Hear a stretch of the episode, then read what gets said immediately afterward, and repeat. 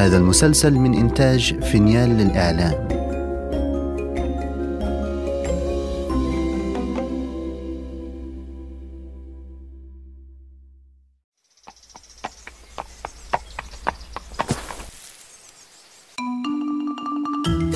أنا سأحدثكم عن قصص جحا. لا لا تسرحت يا شلهوب. أحتاج لأن أجمع أفكاري. أنا شلهوب. شلهوب حمار جحا. أتعرفون جحا؟ هو حكيم الحمقى وأحمق الحكماء. قصصه لا تخلو من الذكاء والحكمة وفي بعض الأحيان من الحماقة.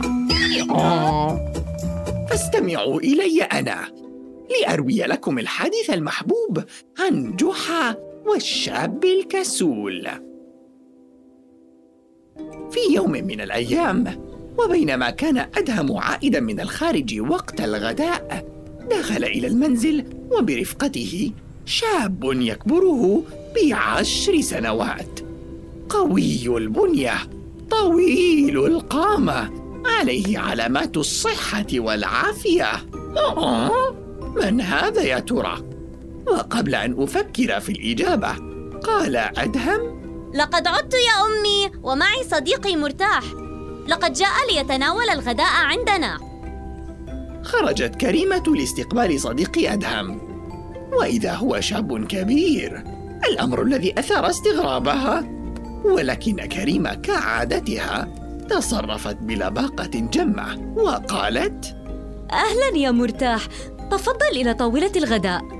تحسس مرتاح كرشه الصغير بشهية وقال كم أنا سعيد بتذوق طعامك يا سيدة كريمة فأدهم لم يتوقف عن الحديث عن نكهته اللذيذة. أدهم يبالغ دوما. وعلى طاولة الغداء التقى جحا بصديق أدهم الجديد لأول مرة وشعر ببعض العجب من فارق العمر بين الاثنين. قال لابد أن لك مهنة تمتهنها يا مرتاح فماذا تفعل؟ اضطرب مرتاح وظهرت على وجهه علامات الارتباك وقال في صوت متع آه الحقيقة أن والدي يريد مني مساعدته في دكانه لكني لست مقتنعا بذلك بعد ولم ذلك يا مرتاح؟ إن والدي يستيقظ قبل صياح الديك وينزل كل يوم لفتح محله ومقابلة الناس ويقضي اليوم في إقناعهم بشراء القماش وبعد يوم حافل يعود إلى المنزل وماذا في ذلك يا مرتاح؟ ألا تظن أن لكل عمل مشقته الخاصة؟ آه إنها مهنة صعبة ثم أني لست بحاجة إلى العمل فنحن عائلة ثرية ووالدي لديه الكثير من المال الفائض فلماذا على ابنه الوحيد المدلل أن يحمل؟ شعر جحا بالغيظ من منطق مرتاح وشعرت أنا بالغيظ أيضا فأنا أيضا كان يمكن لي أن أرعى طوال اليوم في الحقول الخضراء ولكني آثرت أن أعمل لتحصيل لقمة عيشي أه. وفي اليوم التالي وعند حلول موعد الغداء عاد مرتاح مع أدهم لتناول الطعام في بيتنا فرحبت به كريمة مجددا. وحين جلسوا على المائدة لم يكن جحا حاضرا. فقد كان يتناول الطعام مع التجار في السوق لانشغاله ببعض الأعمال. وعلى مائدة الطعام تبادلت كريمة أطراف الحديث مع مرتاح وأدهم الذي أخذ يتناول الطعام بشراهة.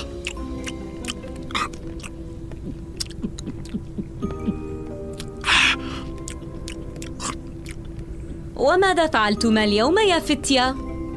تسابقنا في القفز في النهر. أها وغلبت أدهم بأعلى قفزة. وهل أمضيتما النهار كله في النهر؟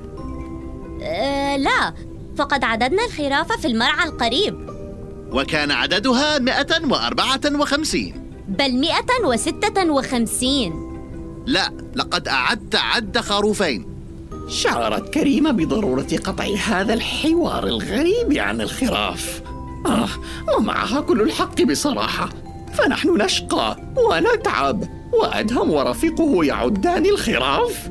هم يعني أنكما لم تعملا شيئا مفيدا منذ الصباح.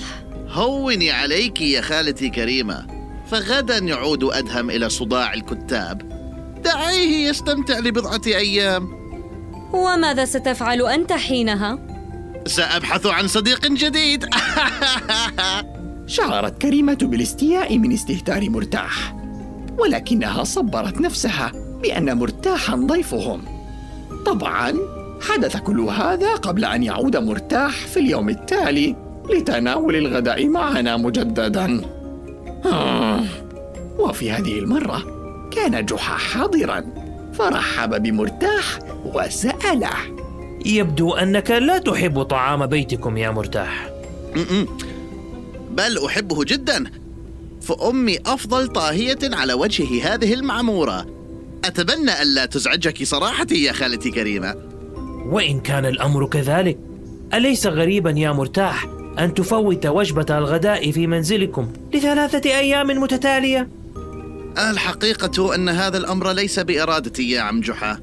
فقد منعتني أمي من تناول الطعام في المنزل بحجة أن من لا يعمل لا يأكل. يا للعجب!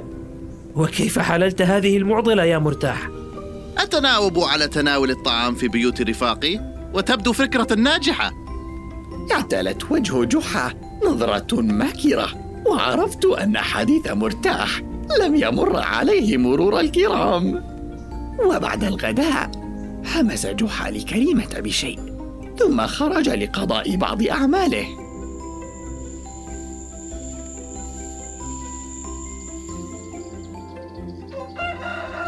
وفي اليوم التالي دق باب المنزل مجددا. ففتحت كريمة الباب لمرتاح وبصحبته أدهم. وبدلا من أن تستقبله معه قالت عذرا يا مرتاح فنحن سبقناكم في تناول الغداء اليوم. كما أن أدهم سيكون مشغولا بمساعدتي في بعض شؤون المنزل. يمكنك أن تزوره في وقت لاحق. ثم سحبت كريمة أدهم إلى الداخل وأعطت مرتاحا هميانا صغيرا وأطبقت الباب. فاستبشر مرتاح ظنا أن الهميان يحوي بعض النقود. وما أن فتحه حتى وجد خيطا. ومضى حزينا خائب الرجا وجائعا.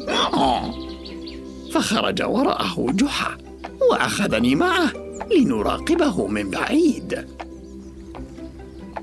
وهناك قبالة النهر جلس مرتاح يتأمل الخيط ويندب حظه. فتنكر جحا بزي رجل عجوز بلحية طويلة بيضاء واقترب من مرتاح. وجلس إلى جواره ماذا تفعل هنا أيها الشاب؟ كما ترى يا عم أندب حظ العاثر ولم حظك عاثر؟ لأني جائع وليس هناك من يطعمني أو يسقيني وأين أهلك؟ رفضوا إطعامي بحجة أني كبير ويمكنني الاعتماد على نفسي وكيف أكلت في الأيام الماضية؟ آه كنت أتنقل بين بيوت رفاقي ولكن حتى هؤلاء أغلقوا أبوابهم في وجهي. يبدو أن حالك صعب رغم أنك تبدو شابا قويا ذكيا. تخيل يا عمي قصدت صديقا لتناول الغداء في منزله فأعطتني والدته هذا الخيط وكأنها تسخر مني. أنا واثق أنك ذكي أيها الشاب. ما اسمك بالمناسبة؟ اسمي مرتاح يا عم.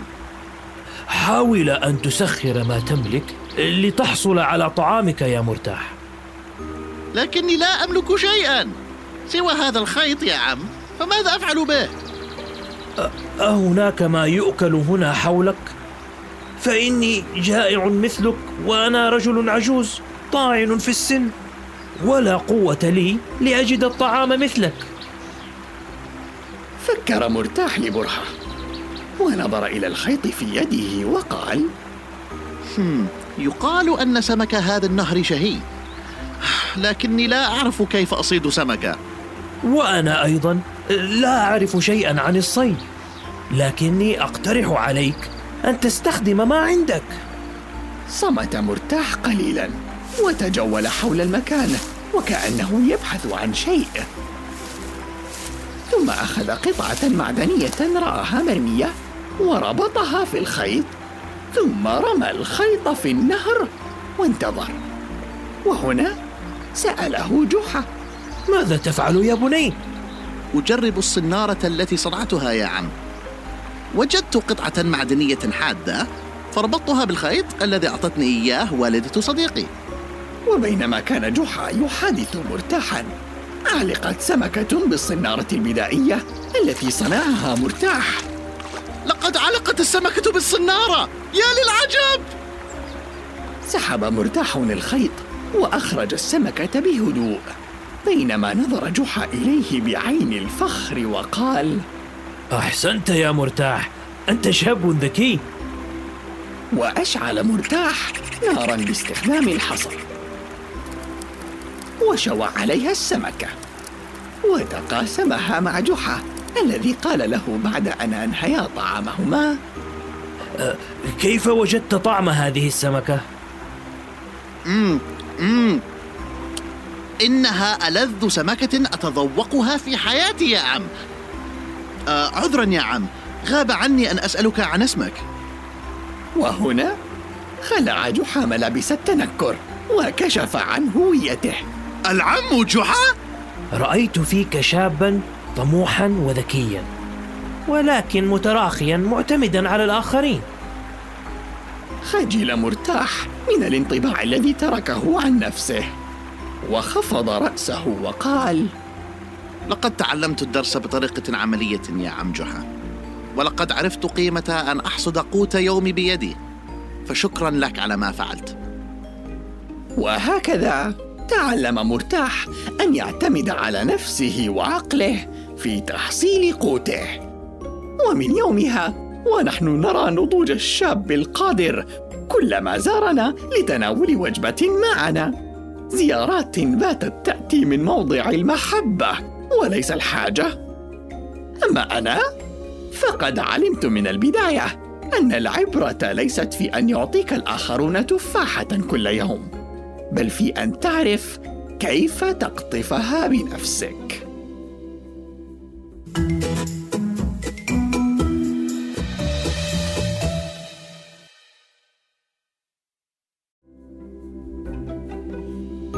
استمتعتم بهذه الحلقة لا تنسوا الاشتراك لبث المسلسل ومتابعتنا على جميع منصات السوشيال ميديا.